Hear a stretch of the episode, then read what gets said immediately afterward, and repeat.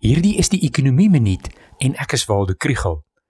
Hierdie week is die nuus oorheers deur aantuigings van korrupsie met COVID-19 hulpfondse, die ekonomiese impak van die drankverbod en die toerisme sektor het die regering om hulp gevra.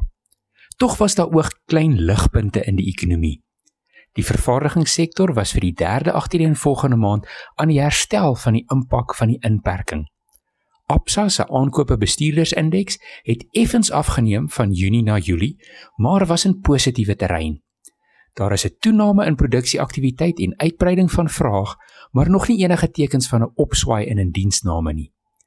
Nuwe motorverkope het ook effens toegeneem in Julie en daar was 'n sterk toename in die vraag na gebruikte voertuie.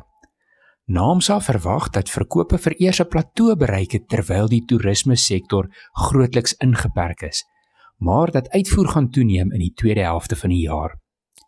Minerale uitvoere, veral goud, het skerp toegeneem in Junie te danke aan die swakke rand.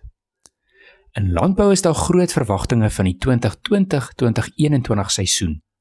Somergewasse is met die minimum onderbrekings geoes en dit lyk nie of die komende plantseisoen veel deur COVID-infeksies geraak sal word nie. Kommersiële landbou is gemekaniseerd en daar is relatief min mense betrokke by die plantproses. Daarbey het boere en landboubesighede hulle maniere van werk so aangepas dat dit die verspreiding van die virus beperk.